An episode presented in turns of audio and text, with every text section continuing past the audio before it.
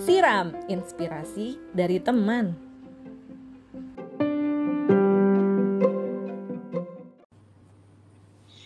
Halo Ramda. Hai Tepi. Hai hai. Akhirnya ya Ram, kita Ya. ini nih ketemu di podcast ya. Yoi. Senang Yes. sekali bisa ketemu lagi ya, Tep. Iya nih, senang sekali nih. Thank you ya Ram udah menerima ajakan nih buat datang di podcastnya aku. Thank you juga udah ini apa eh, mengundang ya di podcastnya walaupun bukan siapa-siapa gitu sebenarnya ya. Hmm, siapa-siapa dong. Ya, thank you juga Ram. Hmm. Nah, buat teman-teman yang dengerin, seperti biasa ya, aku selalu memperkenalkan uh, guest yang aku undang ke podcastnya aku. Nah, di sini aku punya uh, guest nih, uh, kali ini namanya Ramda, teman-teman. Nama lengkapnya Ramda Din Aska. Bener ya, Ram? Benar. Nah, jadi uh, aku kenal Ramda ini dari SMA 3. Jadi buat teman-teman yang uh, sebelumnya ngedengerin podcastnya aku sama Rofi, nah ini temennya Rofi nih teman-teman, temennya aku juga gitu secara otomatis ya gitu. Nah, tapi pastinya kita pengen tahu ya Ramda ini tuh uh, dari mana sih? Maksudnya dari Malang. Uh, dari Malang kita tahu ya karena memang temanku kan. Nah, tapi sejarahnya tuh gimana? Dulu tuh sekolahnya di mana, uh, kuliah di mana, sama kerjanya di mana. Nah, aku kasih kesempatan buat Ramda nih buat kenalin diri. Monggo Ram. Mm-mm. Halo Tepi dan teman-teman semua yang dengerin. Eh, salam kenal semuanya. Namaku Ramdadin Aska, jadi biasa dipanggil Ramda. Kalau sekarang ya, kalau panggilan SMP SMA ya banyak lah lainnya. Jadi dulu Mhm. memang sama Tepi nih sekolah bareng ya kita dari kuliah, eh sorry dari SMA di Semanti Mm-mm. lanjut ke teknik. Walaupun kita beda jurusan ya, tapi cuman kita juga sempat ospek bareng ya. Wa- kit- eh, saya di teknik mesin, Tepi di teknik industri. Terus Betul. Uh, uh, uh, setelah itu karir kalau karir lanjutnya setelah lulus saya di GMF Aeroasia jadi Garuda Maintenance Facility Aeroasia itu bengkel pesawat lah bengkel pesawatnya Garuda. Nah habis itu uh, aku juga sempat sekolah lanjut sekolah lagi di UI Teknik Industri dan sekarang ini terakhir uh, su- sudah berganti karir lagi di uh, jadi ekonom di Bank Indonesia. Mungkin itu sih sekilas aja Tep dari aku Tep Thank you Ram. Nah tadi kan teman-teman udah dengerin ya kalau Ramda ini kuliah S1-nya tuh teknik mesin sebenarnya. Tapi terakhir dia mention kalau kerjanya itu di Bank Indonesia gitu kan. Nah itu dia makanya kenapa aku invite Ramda nih teman-teman. Karena menurutku story-nya nih menarik dan inspiratif nih buat kita. Kenapa? Karena ini salah satu contoh orang yang kayak banting setir gitu loh teman-teman. Kuliahnya apa gitu kan. Walaupun kuliah S2-nya mungkin agak nyambung ya ke uh, perbankannya, tapi kan pada dasarnya kan belajarnya mesin dulu nih. Ah, kenapa kok akhirnya jadi perbankan gitu kan? Nah, makanya kita pengen kulik nih dari dari Ra- Ramda gitu kan. Nah, uh, kayak gimana ceritanya gitu. Nah, mungkin sebagai intro dulu ya Ram ya. Uh, kita kan sama-sama ketemu di teknik uh, Fakultas Teknik UB kan, di mana Yes. kamu teknik mesin, aku teknik industri. Nah, waktu itu tuh kamu emang pengennya mesin ya, ya Ram ya, jurusannya ya? iya jadi iya awalnya kan memang kenapa teknik mesin tuh memang eh, orang terdekat tuh ternyata matters banget ya buat kita ya jadi waktu itu sempat ada kakak gitu kan eh, Mm-mm. kuliah di Malang dan dia jurusan teknik mesin dan kayak ngelihat kan wah ini kayak keren gitu kan pembakaran apalah dan sebagainya kayak keren nih kayaknya mungkin inilah jurusan yang tepat untuk aku nah jadi pas. SMA mikirnya gitu aja sih jadi oke as simple as that eh, ya udah memutuskan untuk oke kayaknya eh, teknik mesin cocok gitu dan karena kuliahnya IPA ya jadi fokusnya ya teknik teknik dan kedokteran gitu aja sih paling karena kedokteran juga nggak mampu nih kayaknya jadi Mm-mm. akhirnya ke teknik mesin gitu Oke, SMA-nya maksudnya ya Ram, yang IPA ya? iya iya iya Ah. SMA-nya Oh, berarti eh, dulunya tuh sempat pengen ada masuk ke kedokteran ya Ram ya? dari orang tua sih kalau kalau kedokteran cuman terus ya kan orang tua pasti ngefek juga kan ke kita kan maksudnya ada ekspektasi orang tua di situ cuman kalau kita ngerasa udah nggak mampu oh ya udah nggak deh gitu jadi ya udah Heeh, mampunya kayak heeh. teknik mesin gitu. Oke, Nah, di teknik mesin pun kan kamu jadi asisten ya, Ram, ya? Lab-nya Iya, apa ya. Ram, waktu itu ya? Aku lupa deh. Asisten uh, lab proses produksi. ya? Oh iya, proses produksi. Hmm, Isinya yang Mhm. bubut, ngelas gitu. Oke, yang sebenarnya tuh tukang banget ya, tapi Tukang banget. ketika heeh, tapi ketika kita belajar di teknik mesin dan dulunya dulunya kan aku teknik industri ya, teman-teman. Jadi sempet juga belajar tentang permesinan. Nah, itu akhirnya aku belajar tuh gimana caranya bubut, ngelas, kayak gitu kan. Nah, itu ternyata lab-nya Ramda dulu gitu loh. Jadi, eee, bener-bener yang laki banget sih sebenarnya ya, Iya. permesinan gitu loh. Laki banget, Bro. Laki banget, Bro, heeh, gitu kan. Nah, tapi pas di mesin itu kamu begitu udah terjun sebenarnya emang enjoy ya, Ram, ya? Emang ngerasa, "Oh iya aku suka nih," gitu sama mesin gitu? Iya, jadi ada beberapa topik ya yang memang aku ngerasa, oke aku bisa menikmati ini gitu ya, kayak misalnya pembakaran gitu, aku masih nyambung gitu ya, Tep. Tapi memang Mhm. ketika udah di lab pun gitu, katakanlah ketika, eee, misalnya kita disu apa, udah areanya ke ngebubut, terus ngelas, kemudian ya area-area lain mesti kayak menggambar teknik kayak gitu-gitu, oh udah tuh, itu kayaknya ngerasa, "Oh ini bener nggak ya jurusannya?" Gitu, Hmm. walaupun ya akhirnya tetap dilakuin kan ya sampai sampai Mhm. lulus gitu. Jadi dan ketika di lab pun sebenarnya kayaknya aku sudah menunjukkan tanda-tanda memang ada ketertarikan di bidang lain ya. Jadi di saat yang lain tuh lebih seneng kayak apa, eee, ngotak-ngatik mesinnya, terus apa, Mhm. ngelasnya, belajar ngelas sampai yang segimana tekniknya. Nah, cu aku tuh lebih cenderung suka yang di ngatur jadwal, kemudian ngitung anggaran. Jadi lebih di area back office gitu sih kayaknya dulu tuh. Oke, jadi lebih ke ma manajemennya ya, Ram, ya, sebenarnya Yes, ya? betul. Oke, mhm, itu Betul. terasanya tuh semester berapa tuh, Ram? Pas mau skripsi atau gimana? Pas jadi koordinator asisten sih waktu itu semester 5, 6 tuh kayaknya tuh, di tahun ketiga ya. Mhm, oke. Mhm. Jadi udah ada ketertarikan di, eee, manajemen itu tadi ya? Yes, Oke, betul. mhm, nah akhirnya terus kan dari teknik mesin kan lulus ya, Ram. Nah itu Mhm kamu sempet kerja dulu kan? Nah, karena kerjanya teknik mesi eh sorry, kuliahnya teknik mesin, akhirnya pekerjaannya, eee, cari yang mirip-mirip ya, yang nyambung dengan jurusannya, which is, waktu Betul. itu adalah maintenance pesawat ya, gitu ya, Ram? Betul betul. Mhm. Nah, ceritanya gimana tuh, Ram, masuk ke GMF tuh kemarin? Nah, kalau pas masuk GMF, karena memang yang di CV tuh kebetulan yang ditonjolin kayak gitu ya. Jadi, eee, terkait sched scheduling, kemudian, eee, planning kayak gitu-gitu kan. Nah, jadi user waktu itu saya inget banget tuh namanya, sampai sekarang masih kita masih best friend sih. Tapi Siapa memang tuh? user saya ini juga sekarang udah nggak di GMF nih sedihnya gitu.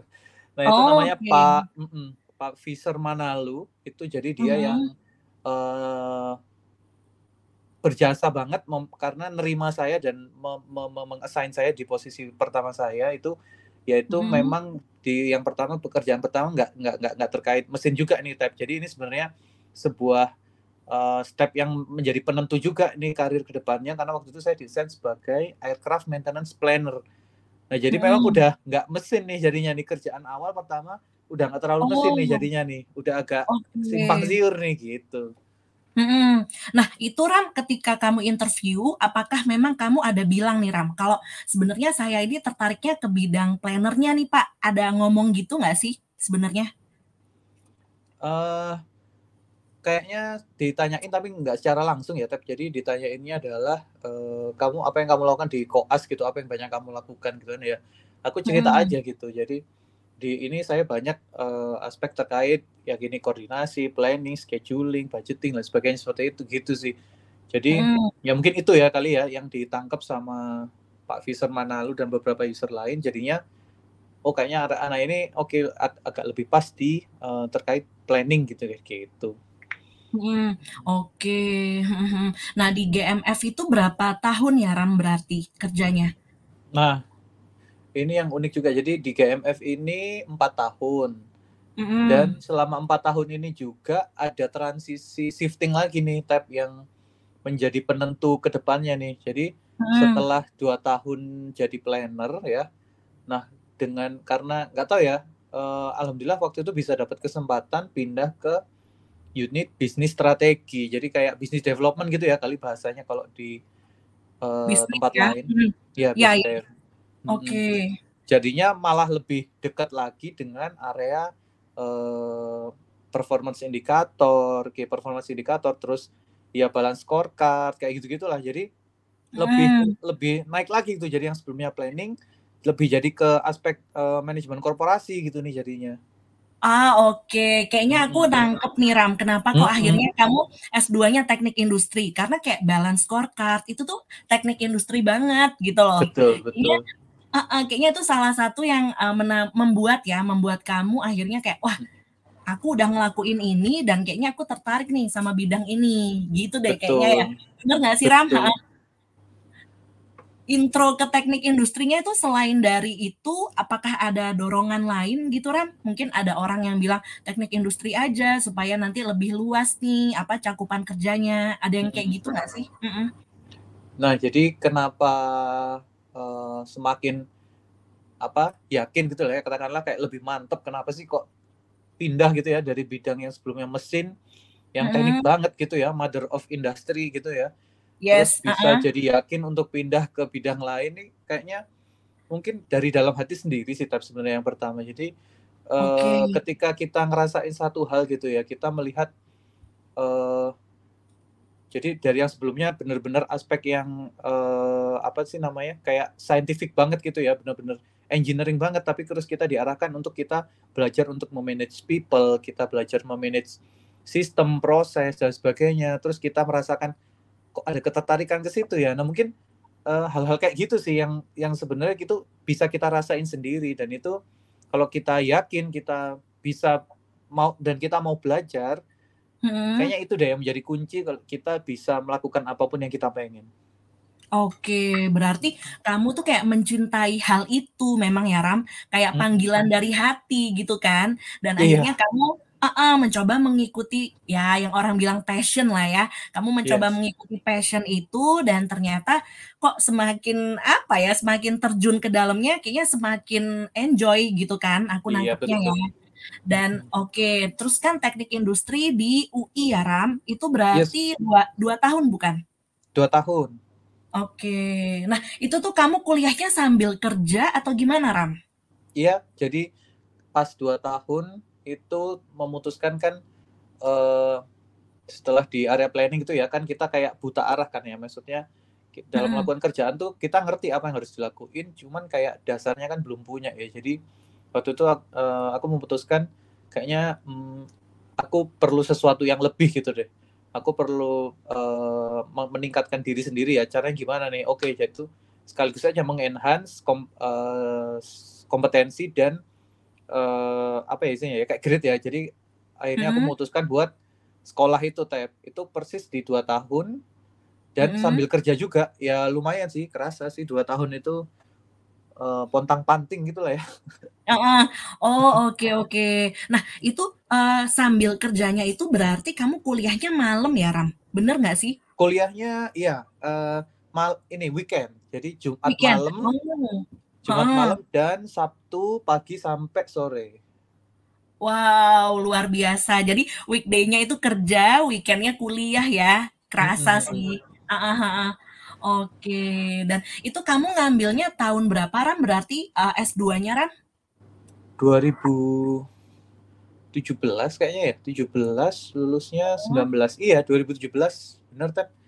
Oke, nah 2017 ya. Nah itu kan kayaknya udah nggak, maksudnya kalau dibilang biasanya gini, kalau teman-teman kita ya kan angkatan 2010 nih kita lulus mm -hmm. S1 biasanya 2014. Nah dari mm -hmm. situ kan teman-teman ada yang lanjut S2 kan.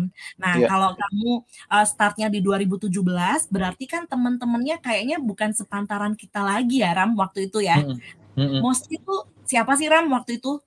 apakah di bawah kita nih umurnya atau justru kebanyakan orang-orang yang sama-sama kerja juga gitu.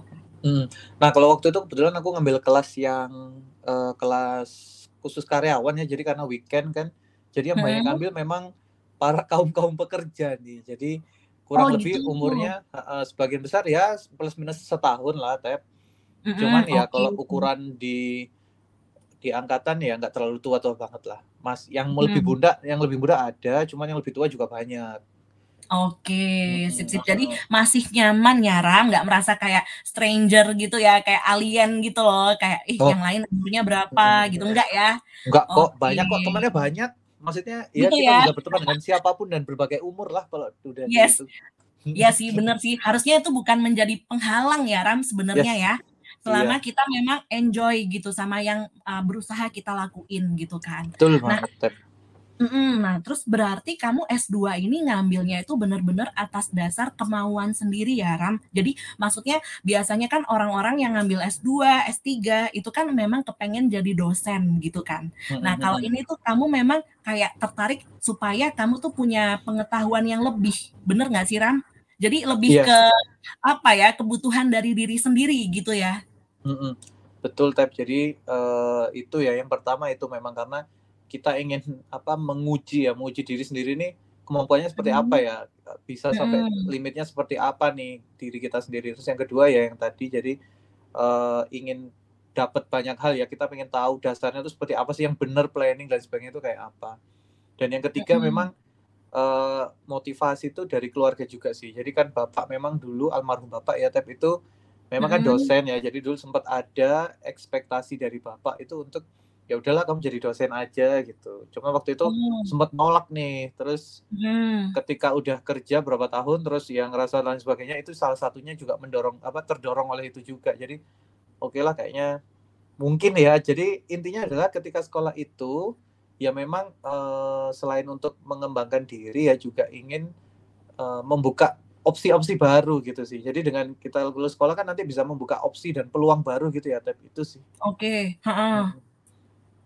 Oh, jadi kamu kayak oke, jadi uh, di satu sisi kamu ingin kayak memperkaya diri, tapi di satu Mm-mm. sisi kamu kayak embrace uh, kayak new opportunities gitu ya Ram ya. Yes, Mau betul. jadi dosen ha, atau misalnya ada penelitian atau apa, kayak kamu open banget gitu ya. Mm, mm, mm, mm. Oke, nah terus bicara opportunity nih Ram. Nah pada akhirnya kan kamu kerjanya di Bank Indonesia. Nah itu ceritanya gimana sih Ram nyambung ke situnya?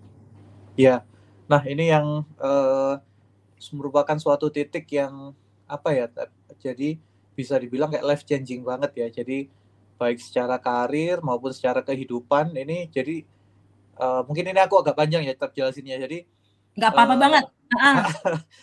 Karena ini eh, bermakna banget gitu loh buat kehidupan pribadiku, buat keluargaku dan buat eh, karirku ini juga ini merupakan satu proses satu rangkaian proses yang menurut aku sangat berarti dan aku terima kasih banget punya kesempatan untuk menyampaikan di sini. Jadi eh, momennya tuh ketika eh, wisuda S2 itu jadi tiba-tiba di WA gitu ada yang nge-share nih apa pembukaan eh, PCPM ya waktu itu namanya PCPM di Bank. Indonesia. Terus pas banget nih terus oh kok ada Bank Indonesia ya gitu ya.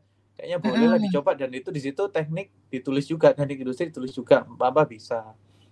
Nah, ya udah waktu itu memutuskan untuk daftar diam-diam karena calon istri yang yang sekarang ini udah jadi istri ya dan Yes. keluarga ya maksudnya nggak aku nggak pengen memberikan ekspektasi berlebihan gitu ya. Takutnya nanti kecewa kalau nggak nggak nggak dapat yang di dipengen gitu kan. Jadi ya udah daftar sembunyi-sembunyi Oke. terus dan nothing tulus sih waktu itu alhamdulillahnya ya. Jadi ketika proses itu tuh nothing tulus. Jadi Mm. eh, nothing tulusnya itu terbuktinya waktu gini tab. Jadi proses tesnya masuk BI ini waktu itu bareng banget sama aku persiapan eh, pre-wed ya persiapan nikah Hmm. Hmm. jadi tes tahap pertamanya itu bareng ketika aku ha- harus ada pre-wed di Lombok waktu itu Jat- harinya sama Oke. banget tanggalnya sama persis sampai Waduh. aku kan nggak cerita ya aku nggak cerita jadi aku kan nggak bisa kan menyampaikan ke Iya, kan, bener. maksudnya Ah, gimana sih gitu. Oke. nah Terus? tapi jadi aku dalam hati aku tuh terus berdoa maksudnya itu adalah sesuatu yang aku pingin banget kan aku bener-bener pengen masuk ke BI Hmm, waktu itu hmm. dan aku akhirnya ya udah berdoa pasrah aja ke Allah gitu jadi ya Allah kalau ini memang rezekiku eh ya udah maka lancarkanlah gitu berikan jalan Luar tapi kalau biasa. memang rezeki kalau memang Hmm. nggak rezeki ya udah mungkin rezekiku bukan di sini gitu nggak apa-apa insya Allah nanti aku akan terus berusaha lagi udah Aku Mhm. benar-benar pasrah sampai akhirnya keluar jadwal tesnya. Memang ternyata harinya sama, tapi Mhm. jamnya, Tep. Jadi aku tuh eh, prewed sampai hari Minggu ya. Hari Minggu Heeh. dan jadwal tesnya itu adalah di Minggu sore ternyata. Jadi ja- da- dapatnya Wow. tuh benar-benar yang terakhir, sesi terakhir. Oke, heeh Jadi langsung seketika jadwal itu muncul eh, pesawat yang semula siang nyampainya sore tak majuin pesawat paling Mhm. awal jam 7 nyampainya jam 10 jadi aku masih bisa ngejar dan ya udah dari situ semuanya berlanjut pelan-pelan tahap 1 tahap 2 tahap 3 sampai tahap 5 Mhm. alhamdulillah akhirnya eh, ya dimungkinkan diterima dan Oke, ketika wow. diterima pun Mhm. eh, itu momennya bisa bareng banget jadi masuk pertama di BI adalah 1 Februari 2019 dan eh, nikahku adalah 26 Januari 2019 jadi cuma lima hari Oh, oke, jadi oke. aku resign jadi ibaratnya tuh aku memulai kehidupan baru jadi aku resign di Desember resign di Desember nih habis itu eh resign Januari kan tapi habis itu ambil cuti duluan sehingga pulang duluan untuk nikah 26 Mhm. Januari nikah terus eh, honeymoon terus Mhm. lanjut ke ini masuk BI jadi aku memulai bener-bener melalui dua hal yang baru itu bersamaan Wow, oke, oke. gitu Ya, jadi kayak wah, jadi uh, itu tuh kamu akhirnya cerita ke istrimu itu kapan, Ram? Karena kan kamu Nah. udah nikah nih. Ah, ah, nah gimana tuh? ceritanya itu ketahuannya pas di Lombok jadi pas di Lombok itu aku ceritanya kan ke ibu doang ya ibu aku cuma cerita bu kayaknya aku mau ikut apa seleksi BI jadi ini pesawatnya tak majuin aku ceritanya ke ibu doang waktu itu Oke. lah kok dilalah ya tep dilalah pas di kafe ibu kan ikut juga prewed ya iyalah Yes, soalnya prewed ah. jauh kan kalau orang tua nggak ikut ya takutnya ada apa-apa kan Iya, iya benar.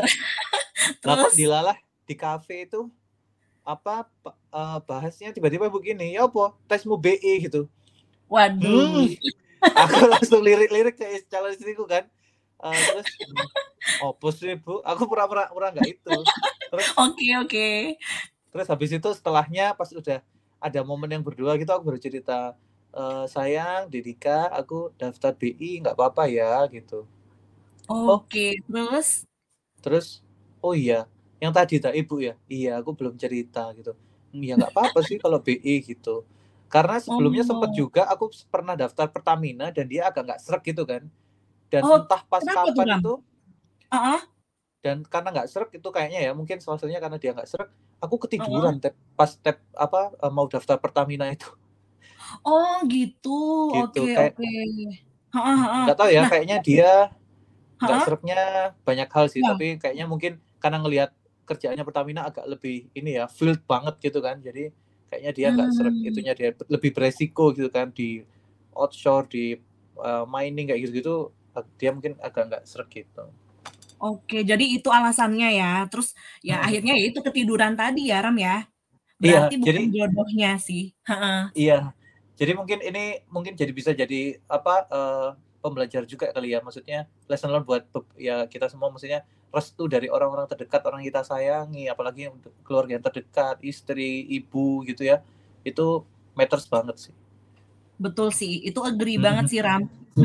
Buat iya buat teman-teman yang belum ada pasangan mungkin ya pasti ke orang tuanya juga gitu kan. iya. Contohnya kalau mama papaku nggak merestui, aku kayak biasanya aku udah oh ya udah no gitu kan. iya Oke, lanjut lagi Ram, gimana tuh akhirnya?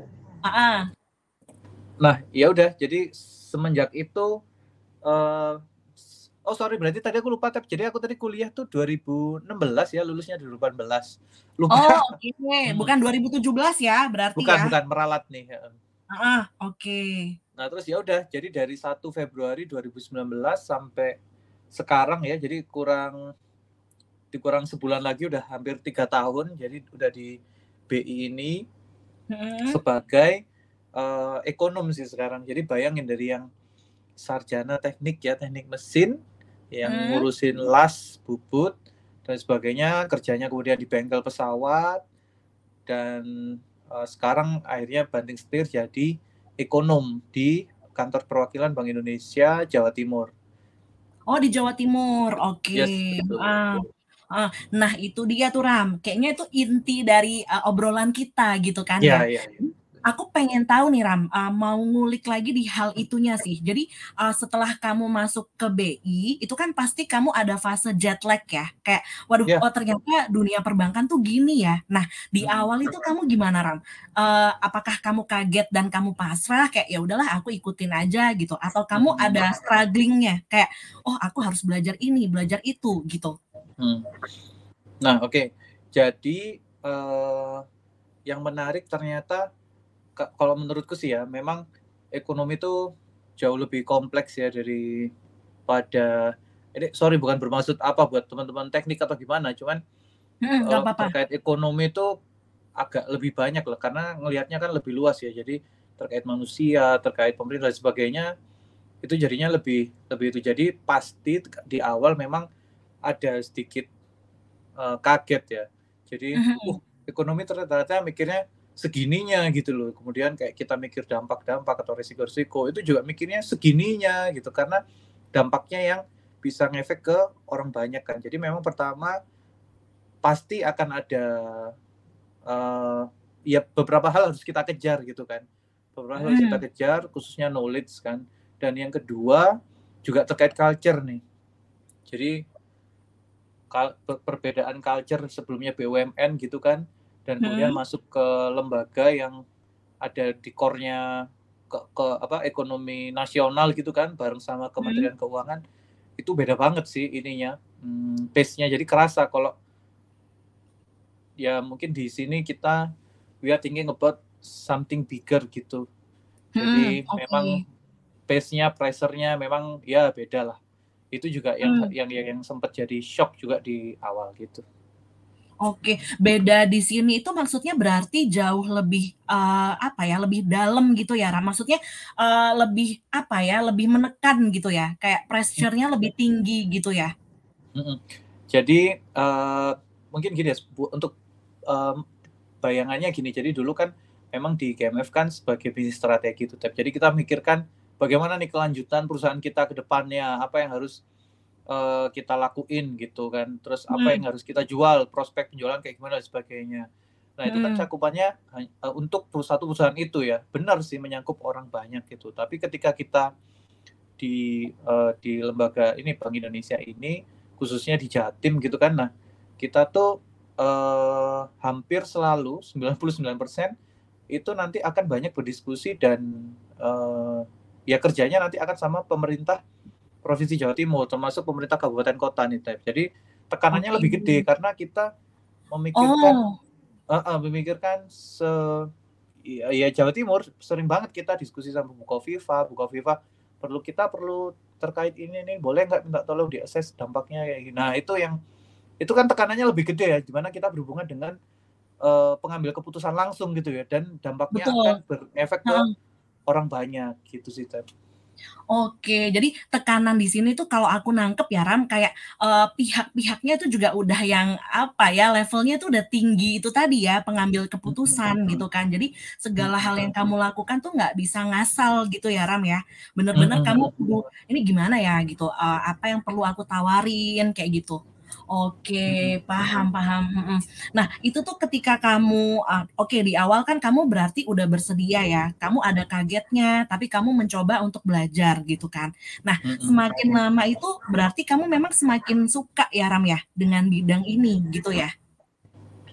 Nah, ya jadi, uh, terkait perekonomiannya sendiri nih tapi ya, jadi memang bisa dibilang nih, alhamdulillah aku punya kesempatan belajar dari sesuatu hal yang sifatnya benar-benar belajar terkait uh, atom gitu ya pembakaran kayak gitu hal benar yang uh, hmm. sampai detailnya pembakaran api itu seperti apa kemudian hmm. naik dikit-dikit ke perencanaan apa pemeliharaan pesawat seperti apa naik dikit lagi ke perencanaan korporasi seperti apa naik lagi levelnya ke perencanaan provinsi perekonomian provinsi negara seperti apa jadi uh, proses yang uh, pembelajaran yang dikit-dikit tadi itu bertahap meningkat dikit-dikit tadi itu ternyata aku semakin ke sini semakin oke okay, ini adalah bidang yang ternyata memang uh, aku senang ini ternyata sampai titik ini gitu tep. Mm -hmm. Oke, okay. jadi kamu kayak kalau orang bilang tuh kayak ya learning by doing dan kamu di sini sambil doing kamu semakin cinta juga gitu ya Ram ya. Iya, iya. Jadi mungkin uh, beberapa orang bilang kalau yang uh, kerjanya berbeda dengan jurusan awalnya gitu mereka bilang kayaknya gue salah jurusan deh dulu gitu. Kalau aku sih kalau aku sih ngerasanya enggak kok aku enggak salah jurusan. Aku bersyukur bisa belajar dari situ, aku belajar yang lain, aku belajar yang lain sampai ke titik ini aku mensyukuri itu semua karena yaitu apa uh, it will be a it will be a part of me gitu loh. Jadi apa yang tak pelajari sejauh ini gitu, Tep. Mm-hmm. Oke, okay, mm-hmm. yes, benar sih Ram. Jadi uh, kamu melihatnya tuh dari kacamata di mana itu adalah sebagai milestone-nya kamu ya. Jadi Betul. memang di awal aku uh, uh, belajar teknik mesin itu, makin lama naik jadi planner dan seterusnya sampai di titik mm-hmm. yang sekarang gitu kan. Mm-hmm. Wow, itu ya nice sih Ram. Kayak maksudnya uh, ternyata ada ya orang-orang yang memang enjoy uh, dalam melakukan uh, proses itu karena memang kayak yang kamu sebutin tadi Ram. Biasanya kan orang ketika ngelihat eh kamu kerjanya di mana? gitu kan. Let's say kita yeah. bahas BI gitu ya di BI yeah. oh pasti dulu kuliahnya di ini ya uh, akuntansi ya atau di ini ya? gitu kan. Nah ketika Mm-mm, ekonomi gitu. Ketika orang tahu kamu teknik mesin tadinya pasti kan ada apa ya kaget gitu kan. Nah, hmm. uh, tapi di situ kamu malah nggak nggak yang oh ya aku banting setir dan kayak dulu aku nggak enjoy atau gimana. Tapi kamu kayak lebih ke embracing gitu ya. Oh iya dulu iya. aku memang belajar mesin, jadi stepnya hmm. memang harus seperti ini gitu. Ya bagus hmm. banget sih Ram. Mm-mm, mm-mm. Jadi kamu uh, benar-benar melihatnya tuh positif. Nah, sama ini Ram, uh, ketika kamu di uh, BI ini kayaknya kan kamu ada ngerjain beberapa project ya. Nah, mm-hmm. salah satunya kayaknya kamu ada post yang harmoni tari Islami ya di tanah Jawi. yeah. Nah, itu yeah. aku tuh lihatnya di Instagram sama di LinkedIn. Jadi aku tuh pas ngeliat kayak wah kayaknya Ramda nih bangga banget nih sama project ini gitu loh. Boleh diceritain nggak sih Ram? Ini nggak nyangka di pertanyaannya serius maksudnya kirain topiknya akan terkait seputar seputar uh, gitu tadi ya. Ini ekonomi ya? Enggak dong, kan kita ekonomi. bebas nih. Kira mau ditanyain inflasi kayak apa gitu. Eh ternyata enggak dong, okay. karena aku enggak, enggak paham Ram kalau inflasi nih aku. Iya. Oke, okay, uh, jadi yang terkait uh, project itu yang sempat ya aku bangga banget sih itu bisa menghasilkan sesuatu kayak gitu. Jadi kalau di BI ini memang ya maksudnya kita nggak se, se apa nggak selalu terus mikirin ekonomi doang gitu ya maksudnya nggak terus mm -hmm. cuman uh, ya mikirin pemprov atau mikirin inflasi gitu-gitu doang tapi mm. kita kan juga uh, ada tugas untuk mengembangkan ekonomi syariah nih Oke. Okay. Nah, di ekonomi syariah di BI ini, kalau di daerah itu ada namanya Festival Ekonomi Syariah atau namanya FESYAR. Oke. Okay. Nah, FESYAR ini cuma diadakan di uh, tiga wilayah nih. Jadi ada di Indonesia ini cuma ada tiga kali setahun FESYAR Sumatera terus yang kedua FESYAR uh, wilayah timur itu terakhir hmm. ada di Gorontalo kalau nggak salah dan yang terakhir ada FESYAR wilayah Jawa hmm, nah jadi okay. Wilayah Jawa ini cakupannya adalah gimana su suatu festival ya yang menjadi kayak simbol puncak program-program berbagai program pengembangan ekonomi syariah sejawa jadi dari Banten sampai Jawa Timur hmm. Oke. Nah, kebetulan nih, kebetulan karena bohirnya adalah apa? Jadi koordinatornya Jawa, kalau di BI itu adalah Jawa Timur. Jadi kita hmm. yang mengadakan FESYAR ini, Tep. Nah, okay. dan FESYAR ini jadi gawenya seluruh pegawai. Jadi nggak peduli yang di tim ekonomi moneter, kayak aku kan di tim ekonomi moneter ya, ada yang di tim uh, sistem pembayaran, ada teman-teman kasir yang hmm. ngurusin apa uang-uang baru itu kan Itu semuanya akan terlibat di kegiatan ini. Nah, kebetulan alhamdulillahnya dapat kesempatan jadi uh, project manager untuk video opening ini. Jadi video opening ini yang ditayangkan di pembukaan, kemudian melibatkan mm-hmm. uh, seluruh gubernur sejawa, ada Pak Ridwan Kamil, ada Bu Kofifa dan sebagainya. Mm-hmm. Nah, jadi okay. di sini tuh kayak selain kesempatan untuk uh, kita menampilkan apa ya uh, suatu kesenian yang bisa yang ikonik gitu dan mampu membuka acara yang gede ini ini juga sebagai kesempatan bagi uh, tim teknis kayak kami gitu ya itu untuk hmm. mengekspresikan diri gitu tab jadi yes, gimana kita nggak okay. cuma kita nggak cuma kerja ya yang ngurusin hal-hal yang Benar. sulit gitu ya. Tapi Pusing gimana kita kan? bisa mm-mm, Heeh. gimana kita bisa mengeluarkan ide-ide kita. Nah, itu jadi Oke. alhamdulillahnya di BI ini eh, banyak kesempatan-kesempatan kayak gini. Jadi eh, waktu itu jadi project manager ini kita keliling sendiri sama apa namanya satu orang juga sebagai partner. Waktu itu kita bagi tugas kita keliling sejawa kita bikin video ini. Jadi kita benar-benar konsepnya kita yang racik tariannya apa aja lokasinya mau di mana nanti shootnya modelnya seperti apa. Kita yang mengkonsep itu semua kita cari vendornya yang kerasa kita terbaik kita ajak vendornya keliling jadi vendornya bukan dari masing-masing daerah tapi kita yang Hmm. tempelin jadi kita keliling dan Oh. kita bikin itu satu video itu dan alhamdulillahnya buku Hmm. Viva dan sebagainya itu eh, inilah apa seneng Suka banget gitu gitu. loh ngelihat itu ha. terus Oke, tiap ketemu heeh. orang tuh kita dapat wah ini keren ini keren ini. alhamdulillah gitu jadi Alhamdulillah. ya, gitu Teh. Oh, oke. jadi itu sebenarnya ya kan- rangkaian dari rangkaian dari Heeh. pengembangan ekonomi ya pengembangan ekonomi syariah khususnya gitu Oke, oke. Nah, tadi kan kamu bilang tuh Ram, kalau di BI sendiri kan banyak ya kesempatan untuk kayak apa ya, express ourselves gitu kan. Yes. Berarti kan banyak project-project. Nah, itu tuh nggak nyangka sih aku Ram jujur ya, karena kan di Mhm. mata orang awam BI itu kan Iya. adalah lembaga yang kayak formal banget gitu kan, Iya. yang kayak di mana itu yang bikin uang negara gitu loh, gitu kan. Jadi kayak Mm-mm. Wah ternyata ada ya kesempatan-kesempatan seperti itu. Nah boleh Hmm. dijelasin nggak sih Ram? Memang gitu kah? Terus mungkin isinya isinya BI itu apakah banyak orang muda atau gimana sih Ram culture-nya Hmm. gitu?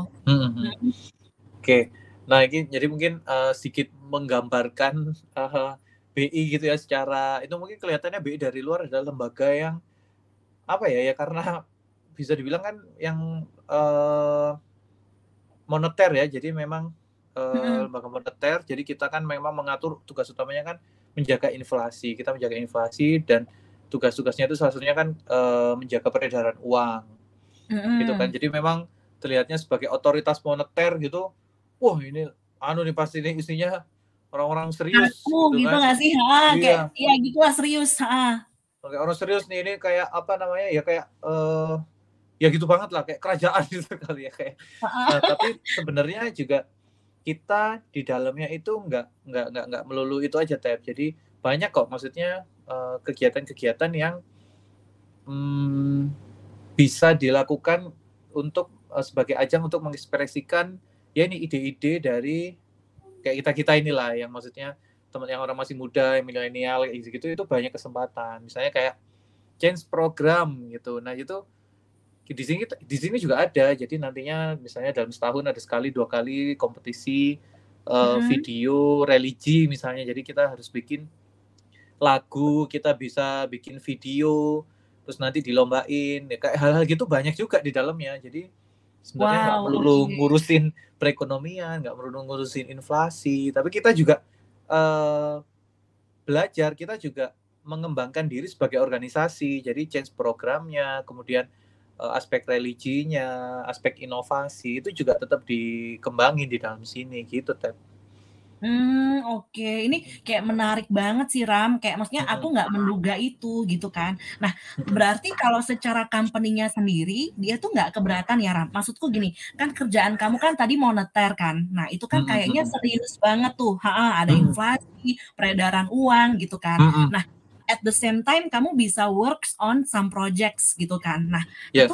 Kan kamu harus bagi waktu kan, ah, gimana kerja, gimana mikirin project. Nah, itu tuh company-mu nggak masalah ya. Jadi kayak mereka tuh open gitu ya, nggak harus yang kerja kerja kerja gitu loh.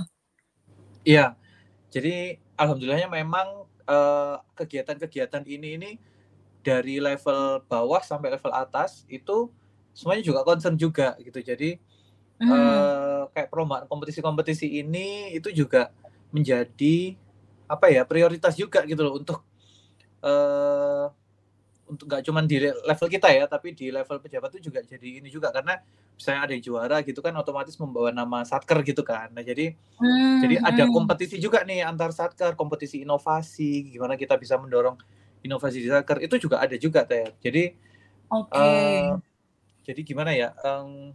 nggak cuman yang muda aja nih yang ngoyo buat berubah gitu ya. tapi Mhm, dari mhm. semua- sampai sampai bos-bosnya juga juga concern ke area ini gitu. Gimana mendorong kreativitas mendorong digitalisasi gitu ya. Jadi misalnya kita dari yang dulu cuma pakai dokumen kertas-kertas gimana caranya bisa nggak mengurangin kertas digital signature gitu-gitu. Itu juga masuk ke kita walaupun nih ya mungkin nggak se, se seluas yang dikatakanlah di startup atau di kayak Lazada gitu ya kan. Iya iya iya. Kalau Lazada gitu kan startup-startup terus yang apa e-commerce gitu kan eh, kerja juga bisa pakai Nggak pakai seragam. Iya Heeh. gitu. Terus juga ya nggak kegiatan-kegiatan yang sifatnya apa namanya itu bisa formal-formal gitu kan agak lebih sedikit ya. Sedangkan kan kita tetap core-nya adalah eh, ada aspek birokrasi di kita. Jadi tetap kita tetap Betul menjaga banget. itu gitu. Mm-mm. Oke, mm, dan iya sih Ram, maksudnya aku kan sekarang kan kerjanya di Lazada ya, dan memang Hmm. aku ngerasain banget, maksudnya eh, culture di e-commerce itu seperti apa. Memang kan kita kayak bebas banget ya kerjanya Ya. tuh nggak seragam gitu. Sementara kan kamu kayak rapi banget gitu kan, pakai seragam, which is good gitu loh. Aku ngeliat kayak wah prestis banget. Pasti kan di pikiran kita nih orang Indonesia kan kalau pakai seragam gitu kan pasti kayak keren gitu loh Ram. Kerjanya pasti Iya, di iya. tempat AA yang mature gitu loh. Nah, Hmm. boleh diceritain juga nggak sih Ram sebenarnya job desk kamu itu apa? Tadi kan kamu mention kayak ekonomi apa moneter kan. Nah, itu Ya. kan aku aku no idea banget nih Ram. Aku nggak tahu Hmm, banget hmm, ini apaan gitu kan. Nah, boleh nih mungkin buat teman-teman yang dengerin supaya ada knowledge gitu Ram di bidang perekonomian kita gitu loh. Heeh. mm.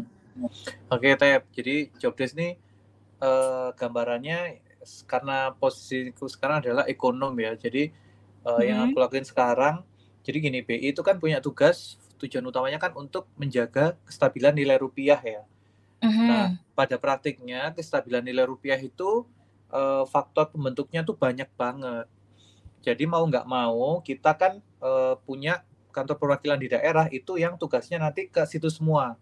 Nah, Oke. karena keterkaitannya banyak banget khusus apa eh, jadi keterikatnya bisa sama pertumbuhan ekonomi ke stabilitas apa ke ini perkembangan kinerja perbankan kemudian ke sistem pembayaran nah jadinya ekonomi ini adalah karena aku di daerah ya Tep jadi aku Mhm. ini kayak mengamati perkembangan perekonomian di daerah Oke. Nah, jadi mengamati dan memproyeksi ya, itu sih. Jadi secara secara garis besarnya itu. Jadi kinerja perekonomian tuh seperti apa, kemudian di nanti periode ke depannya akan seperti apa kinerja perekonomiannya. Itu yang kita ramu, kita racik sebagai bahan advisory untuk kepala daerah. Oke. Gitu. Nah, kebetulan karena di Bank Indonesia Jawa Timur ini adalah koordinator sejawa, jadi aku mengamati eh, perkembangan perekonomian sejawa nih, Tep. Jadi nggak cuma Oke, Jawa Timur wow. aja, tapi Heeh. kita juga eh, mengintegrate perekonomian Banten, DKI, Jawa Barat, Jawa Tengah, Jogja dan Jawa Timur Hmm. sendiri ini menjadi Hmm, satu hmm. perekonomian Jawa. Jadi kita ngamati Jawa nih besok eh, pertumbuhan ekonominya seberapa, inflasinya seperti apa, kemudian perbankan di Jawa ini nanti kira-kira kinerjanya seperti apa, penyaluran kreditnya. Nah, itu nanti yang kita racik Hmm. tuh, kita kita kayak mengakses gitu ya, mengakses secara terus-menerus, secara periodik Mm-mm. perkembangan perekonomian di Jawa. Gitu. Wow, ini kayak keren banget sih Ram. Maksudku eh, kan kamu di Jawa Timurnya kan, tapi Yes. kamu punya kesempatan untuk untuk manage sejawanya gitu Ram. Yang mana itu Iya. include Banten, apalagi tadi Jawa Tengah gitu kan. Nah, Mm, mm, mm. itu ada spesifik reasonnya nggak sih Ram? Kenapa kok akhirnya Jawa Timur nih yang eh, yang mem- apa ya memimpin lah semua Hmm. yang ada di Jawa ini? Hmm. Nah, jadi eh, pembagi oh, mungkin awalnya adalah pembagian wilayah ya. Jadi pembagian wilayahnya kan ada Jawa, Kalimantan, Su Sumatera, Sumatera, terus. Bali Nusra. Jadi Bali sama Nusa Tenggara itu satu wilayah sendiri dan Sulampua. Sulampua itu Sulawesi, Maluku. Papua. Jadi ada Oke. lima wilayah nih, Tep. Nah, terus Hmm. kalau Jawa sendiri, kenapa Jawa Timur adalah koordinatornya? Jadi kalau di di Indonesia ini perekonomian terbesar itu adalah provinsi terbesar satu DKI Jakarta, dua Jawa Timur. Oke. Nah, Di- kenapa yang lebih dipilih di Jawa Timur nih kalau di BI Ini karena Hmm. cakupannya yang eh, prospek apa namanya sektor-sektor yang di dalamnya itu misalnya industri, perdagangan itu yang lebih lengkap secara komposisi. Sedangkan di Jakarta lebih didominasi kayak jasa keuangan gitu kan. Jadi lebih ke aspek jasa ya. Sedangkan kayak pabrik-pabrik agak lebih dikit. Nah, Mhm. jadi kita kayaknya dianggap lebih eh, mungkin lebih mampu untuk mengkoordinir Jawa gitu sih. Jadi karena Hmm. kontri- intinya adalah karena kontribusi kontribusi ekonomi kita yang terbesar kedua se Indonesia dan eh, komposisi dari sektor-sektor ini yang kayaknya lebih lengkap gitu di, di di Jatim. Jadi industri manufaktur, perdagangan, konstruksi, pertanian kita hampir ada semua gitu. Wow, oke oke. Ini tuh kayaknya Jawa Timur memang eh, ma- semaju ini karena kita punya Surabaya ya, ya Ram ya. Kayak Iya. Surabaya kan kayak pusatnya kita di Jawa Timur gitu kan. Mm, mm. Oke, nangkep nangkep, menarik sih. Sama ini Ram, eh, berarti kan kamu punya kesempatan kerja sama kepala daerah kan di Jawa Timur iya, sejawa juga iya gitu kan. Iya. Nah, apakah di waktu yang sama itu kamu kerja sama bank-bank yang yang di bawahnya BI Ram atau gimana sih Nah. atau itu different departemen gitu? Hmm. Nah, jadi jadi dulu nih BI kan memang sebagai eh, otoritas pengawas perbankan nih, Tep.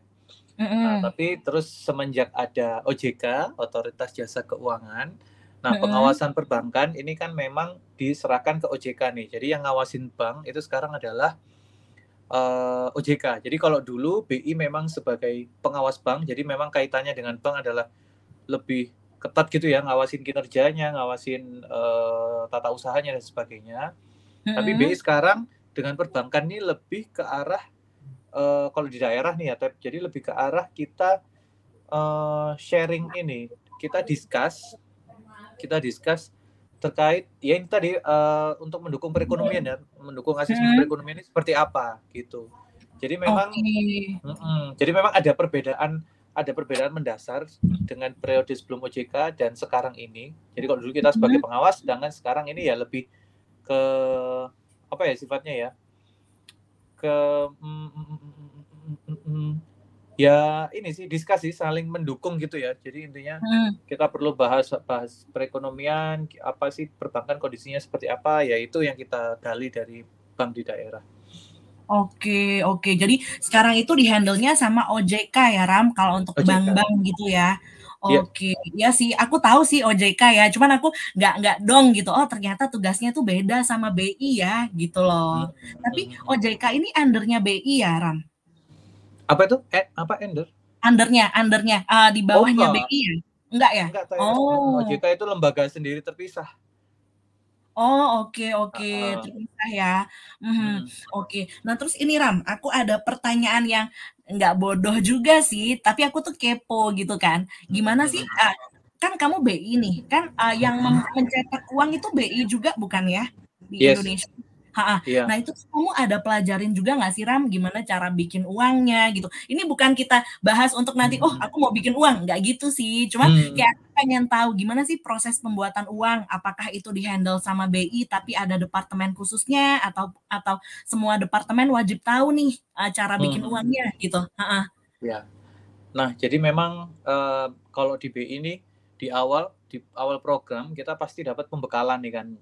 Ah. Karena kan backgroundnya Ah. macam-macam nih kayak. Nah, jadi memang kita harus tahu ya minimal at glance. Jadi seperti apa Mm-mm. pekerjaannya BI dari A sampai Z tuh kita harus tahu at glance. Nah, tapi terkait yang uang Mm-mm. yang kita laksanakan di Bank Indonesia terkait peredaran uang itu adalah eh, kita kan me- harus melihat ini ya peredaran uangnya nih Pet untuk nanti meng- mengendalikan nilai tukar rupiah yaitu inflasi atau terhadap Mhm. mata uang asing ya kan terhadap dolar dan sebagainya.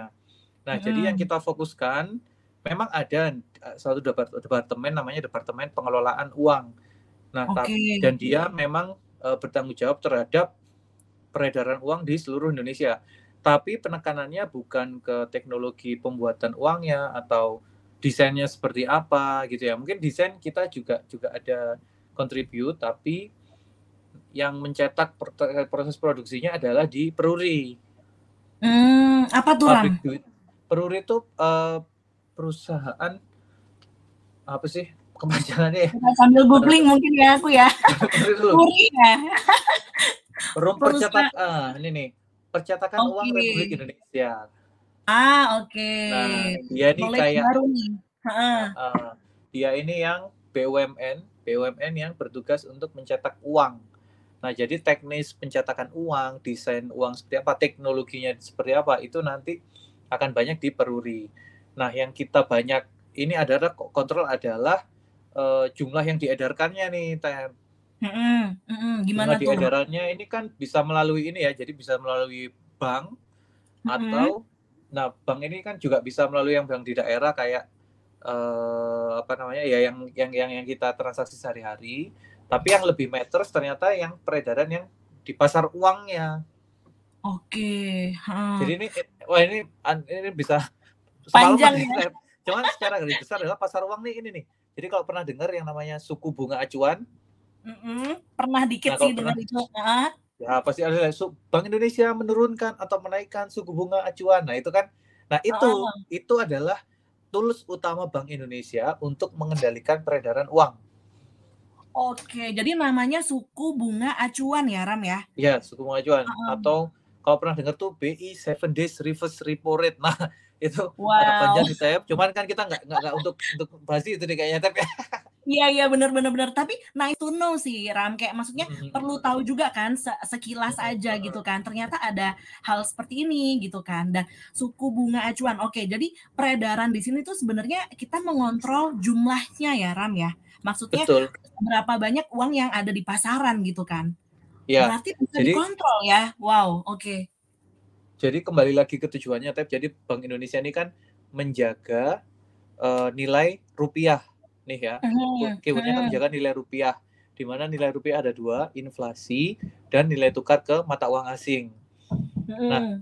Jadi itu yang kita tools utamanya dicapai dari inflasi dan eh, nilai tukar ke mata uang asing ini dicapai dengan eh, tools utamanya adalah suku bunga acuan ini jadi suku bunga acuan ini adalah suku bunga bank kalau mau pinjam atau naruh duit di BI ibaratnya tuh gitu udah gitu aja Oke, oke. Nah, tadi yang nantinya yang gimana? nantinya akan berdampak ke eh, besarnya bunga yang akan dikasihkan bank ke eh, apa istilahnya tuh customer eh apa sih namanya ke klien eh istilahnya tuh- apa ya apa itulah tuh? ya ke yang naruh duit atau pinjam duit di bank itu Oke, oke. Debitur, kreditur gitu nggak sih? iya Bukan iya ya? itulah debitur kreditur itu Oh. jadi gitulah jadi intinya BI adalah banknya bank Heeh. yang nanti akan jadi kebijakan-kebijakan BI akan berdampak ke eh, suku bunganya bank yang dikasihkan ke masyarakat. Nah, itu yang akan nanti diharapkan mampu mengendalikan nilai rupiah. Udah gitulah transmisinya kayak gitu, Teh. Oke, oke, mantep nih. Eh, sama ini Ram, aku sebenarnya pengen nanya satu hal lagi nih terkait peruangan ya. Heeh. Mm-mm. Kan kita tuh sempat dengar ada mau eh, mau ada denominasi gitu kan, di mana. Eh, kita kan sekarang rupiah banyak banget kan nolnya gitu kan. Nah, Hmm. dengar-dengar nanti nolnya mau dihilangin tuh. Nah, tapi sampai sekarang kok kayaknya belum ada kabar-kabar lagi nih. Nah, kamu ada Mhm. ada ini nggak update nggak sih Ram tentang itu? Ha-ha. Jadi eh gini, eh, re, redo, redenominasi. Oh, re Jadi ada ada re-nya re. ya depannya. Oke. Ah, ah, ah. Jadi, nah, eh jadi sebenarnya gini, Tep. Kita perlu melihat urgensi dulu. Kenapa kok Mhm. perlu dilaksanakan redenom- redenominasi ini? Denominasi. Dan nanti dampaknya kira-kira akan seperti apa secara teknis? Apakah itu akan worth it ke ke ke ke, ke perekonomian atau enggak? Nah, Mhm. memang ya eh, redenominasi ini dampaknya kan mungkin akan kita melihat penguatan rupiah ya. Selama ini kan kalau kita lihat misalnya USD dibanding euro tuh kan cuma satu banding satu koma sekian gitu. Terus Mhm. apa satu ke USD ke mana cuma satu koma sekian 0, koma sekian. Mhm. Sedangkan kalau dibandingin sama rupiah satu dibanding banget. 14.500 gitu kan. Bener. Ya, Ha-ha. jadi memang ah, yang satu adalah aspek psikologis yang yang yang diharapkan tercapai dengan adanya redominasi ini. Mhm, Tapi nah tapi ini ada tapinya. Jadi memang ada potensi yang yang kita harapkan bisa dicapai yaitu psikologis psikologis tadi itu bisa menguat, tapi hmm. efeknya banyak. Oke. Nah, Benar jadi sih, yang pertama, yang pertama nih uh, terkait akuntansi, kemudian uh, sistem transaksi, sistem pembayaran, kemudian di perbankan itu banyak banget yang harus kita sesuaikan. Hmm. Ya kan, termasuk Betul. juga yang paling mendasar adalah gimana caranya kita menarik uh, jutaan duit yang udah beredar sekarang ini, hmm. itu mekanismenya nanti akan seperti apa transisinya? Itu kan perlu proses panjang ya. Kayaknya kalau setahun dua tahun tuh kayaknya belum cukup kan gitu. Kita semua orang Betul menukarkan sih. duitnya, ya kan? Mm-hmm, mm-hmm. Itu kan Mana Indonesia panjang juga. Mm-hmm. Iya Indonesia gede banget kan Ram. Uh. Iya. Nah, mm. jadi itu akan akan selain memang dampaknya akan bagus. Jadi selain aspek psikologis kita lebih bagus gitu ya kalau terkait itu kemudian uh, pencatatan juga lebih efisien karena nolnya jadi nggak banyak. Tapi mm-hmm. memang effort yang harus dikeluarkan untuk mencapai itu terbilang cukup besar dan itu memerlukan biaya kan pasti ya. Nah di tengah uh, pemulihan ekonomi yang sekarang ini, pemulihan ekonomi sekarang ini, kayaknya um, ini pendapat pribadi ya, dan ini nggak mencerminkan uh, apa namanya pendapat BI sendiri. Cuman kalau aku pribadi kayaknya agak kurang agak kurang pas gitu ya kalau kita um, mencurahkan energi yang besar, energi dan anggaran yang cukup besar untuk mm -hmm. melakukan hal ini gitu loh. Oke. Okay. Karena sebenarnya juga dampaknya nggak nggak meningkatkan kesejahteraan masyarakat atau ekonomi jadi cep, lebih cepat itu juga nggak nggak nggak nggak sesignifikan itu gitu jadi okay. ya mungkin nanti suatu hari akan ada ya gitu uh, proses ini tapi hmm, ya kita lihat lagi lah ke depannya gitu Tep. Hmm, berarti nggak nggak akan dalam waktu dekat juga ya Ram ya sebenarnya ya? Hmm, nggak tahu aku nggak bisa jawab ya takut hmm.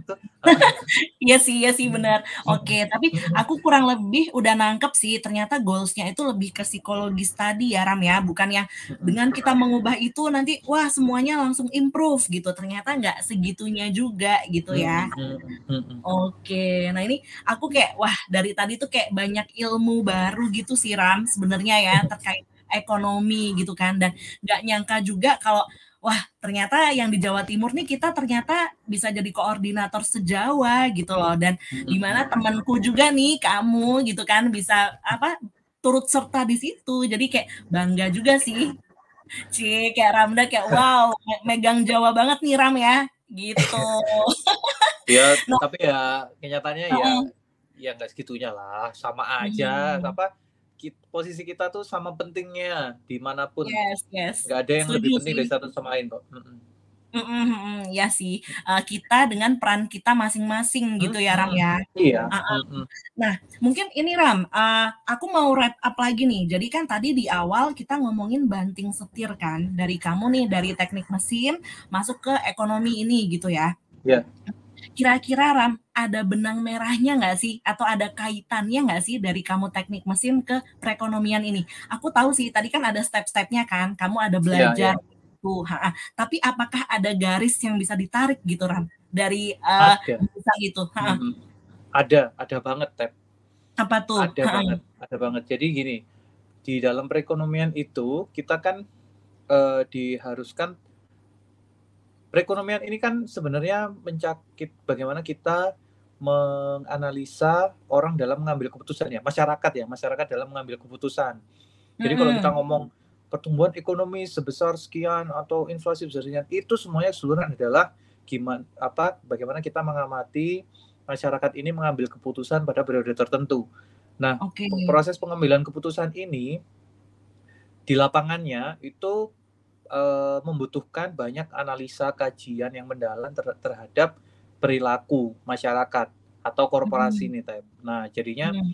knowledge yang tadi sebelumnya terkait korporasi, kemudian terkait teknik-teknik mesin itu masih kepake banget kalau kita mau melakukan perekonomian. Misalnya gini nih, hmm. uh, di kondisi sekarang ya ada kondisi kelangkaan uh, supply chain global gitu kan, global hmm. supply chain disruption nih uh, tapi hmm. pasti tahu lah ya karena sekarang kerjanya kan di Lazada dan juga backgroundnya kan teknik industri pasti ngerti kan global supply disruption ini apa sih dampaknya jadi Yang pertama misalnya kelangkaan kontainer, kemudian Yes. ada kelangkaan chip, chip semikonduktor, kemudian ada potensi lagi kelangkaan energi yang sekarang udah di Rusia, apa di dari Rusia ke Eropa, kemudian ada potensi lagi kelangkaan magnesium.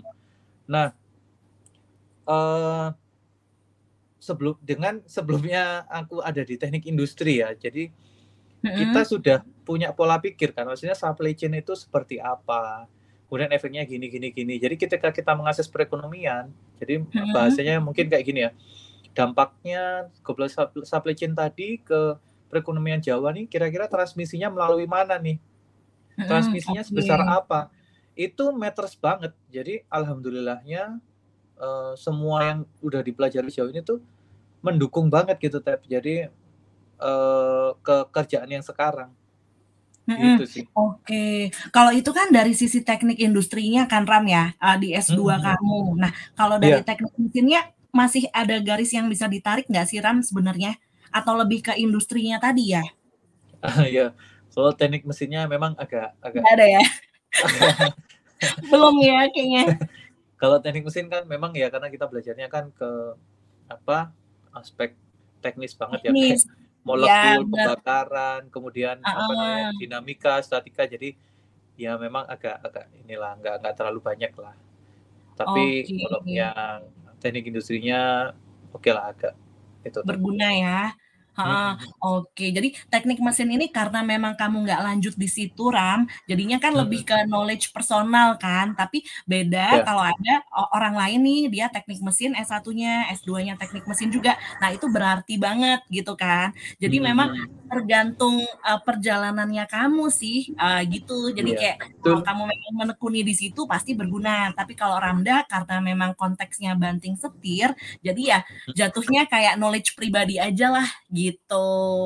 iya Oke. Nah, atau mungkin nggak tapi bisa nih. ini sih Apa Tep, tuh? mungkin yang bisa di yang bisa di ini adalah pola pikir sih jadi di mana pun tuh eh, pola pikir di teknik tuh membantu banget di kerjaan mana pun ya Oke. jadi Ah, ah, ah. maksudnya untuk teman-teman teknik juga gitu eh we are lucky gitu we are lucky to to have learned that kind of things. Jadi banyak hal yang kita bisa terapkan di ilmu-ilmu lain. Tapi yang utama Iya. adalah eh, pola pikir sih dan kemampuan kayak lebih teknis terkait matematik ya. Jadi kayak ya eh ya itu sih pola pikir sih yang utama. Gitu tep Hmm, hmm, hmm. Iya sih, Hmm. eh, bener sih. Ketika aku dengar kamu ngomong ini, eh, kayaknya make sense ya Ram. Kayak eh, teknik ini untungnya kita belajarnya banyak gitu loh. Teori Hmm. ada, eh, praktek juga iya gitu loh. Jadi konteksnya ini mungkin bangga menjadi anak teknik ya Ram ya untuk sekarang Iya. nih. Walaupun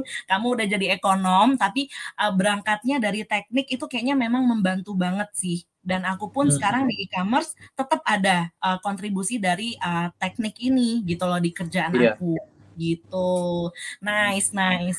Nah, nggak terasa nih Ram, kita udah satu jam nih ngobrol-ngobrol kan. Udah banyak Hmm. banget nih ha, knowledge baru yang aku dapetin. Semoga kamu juga apa ya ada apa ya seneng gitu loh bisa kes- ada kesempatan untuk share ini ke teman-teman yang dengerin gitu kan. Hmm. Nah, terakhir nih Ram, biasanya aku selalu minta nih ke teman-teman yang uh, jadi uh, guest, jadi tamu untuk menyampaikan satu kalimat pesan buat teman-teman yang dengerin gitu Ram. Hmm. Nah, ada nggak satu kalimat dari Ramda nih buat teman-teman? Oke, sebelum satu kalimat itu mungkin gini ya sebagai closing statement gitu. Hmm, Gitu, gimana saya- tuh? Closing Heeh. statement tuh jadi gini. eh jadi pendidikan tuh doesn't determine who you really are. Jadi eh, Oke. pendidikan tuh oke merupakan satu hal gitu ya. Ya, tapi Hmm, pada akhirnya in the end what really matters is your passion. Jadi eh, and your passion is only you can feel it. Jadi eh, Mhm. ya memang memang ada agak klise ya ketika kita ngomong bahwa eh, ya live your passion maksudnya jalani passionmu gitu belum jadi passion kita yang meng- meng- menghasilkan uang gitu ya mohon maaf nih katakanlah ya, karena kita kan Betul. hidup di dunia realistis realistis gitu ya jadi betul, mungkin betul. memang belum tentu passion kita yang akan eh, membawa kehidupan buat kita hmm. tapi nah tapi dari situ semua adalah satu hal yang sejauh ini eh, aku pelajarin ya dan dan tak terapkan sih, tak terapkan Mhm. itu adalah tiga kata ini, yaitu always choose challenge. Oke, wow. Jadi eh, Mhm. selalu pilih tantangan gitu. Eh, jangan di zona nyaman terus. Ya gitu sih. Wow. Always Heeh, choose challenge gitu aja, Tep. Gitu. Itu berarti itu satu kalimat dari kamunya ya. Always challenge ya. Always choose challenge. Sudah tiga kata itu aja. Bukan kalimat tuh kali ya. Iya iya iya. Nah, itu jujur ya Ram, dari aku sih Hmm. resonate banget sih. Aku sangat relate banget dengan itu karena Hmm. aku juga lagi melatih diri aku untuk selalu mengambil challenge gitu Ram. Karena kan Hmm. kita selalu benar kayak kamu tadi ngomong, eee, kan pasti kita memilih zona yang nyaman. Ketika kita Hmm. dikasih kesempatan, misalnya gini, sesimpel, "Eh, tapi nanti kamu yang bawain presentasi ya." Nah, biasanya kan kita kayak, "Jangan aku deh," Hmm. gitu, "yang lain aja Hmm, dong," hmm, gitu kan. Hal sekecil itu aja kita sometimes nggak berani nih gitu. Padahal kan Iya. apa susahnya kayak ya udah ngomong aja ya, cuman kamu perlu persiapan. Nah, challenge-nya kan di situ gitu kan. Nah, Hmm. kebanyakan dari kita tuh pasti memilih yang aman-aman aja gitu loh. Jadi Hmm. aku pun setuju banget gitu Ram, dan aku sangat Hmm. apa ya, berusaha melakukan itu. Jadi choose challenge gitu. Itu kayak wow, inspiratif sekali Bapak Ramda. Bapak, iya udah bapak-bapak nih kampret. Aduh. Bener loh Bapak-bapak kan? Gitu. Iya. Oke, jadi always choose challenge ya. Hmm. Oke, nah itu teman-teman. Jadi kita udah belajar dari Ramda ya, gimana rasanya banting setir dan pesannya juga terakhir ini menarik banget dan inspiratif banget. Jadi kita harus memilih challenge teman-teman gitu. Oke Ram, thank you banget ya buat kesempatannya nih untuk ngobrol kali ini. Dan kamu Hmm. kan sekarang kan udah malam ya, jadi kayaknya udah habis kerja, jadi pastinya capek, tapi kamu udah menyempatkan nih Ram, thank you banget. Hmm. Thank you banget Tepi udah ngasih kesempatan buat ngobrol dan ya ini pasti eh, apa ya aku seneng banget sih bisa share pengalaman gini gitu juga dan Mhm. semoga bermanfaat ya buat teman-teman juga mungkin nanti mungkin Amin, eh, amin. Itu Uh-uh. itu udah itu aja Tep Mm-mm. Mm-mm, sip, Ah, ah, tujuan aku juga gitu supaya teman-teman yang dengerin tuh bisa mengambil manfaat gitu. Oke, sip kalau gitu. Eh, salam ya Ram buat eh, keluarga ya, buat istri, buat anak juga, walaupun nggak kenal tapi ya salam aja gitu. Ha, ah, thank you loh Iya. Ramda udah mau join gitu. salam balik juga buat keluarga dan Tepi juga semoga sehat-sehat semua ya Tep Ya, ah, ah, semoga yang dengerin juga selalu sehat ya teman-teman. Oke deh kalau gitu. Bye-bye Ram, ketemu lagi nanti. see you Tep thank you Yuk, see you.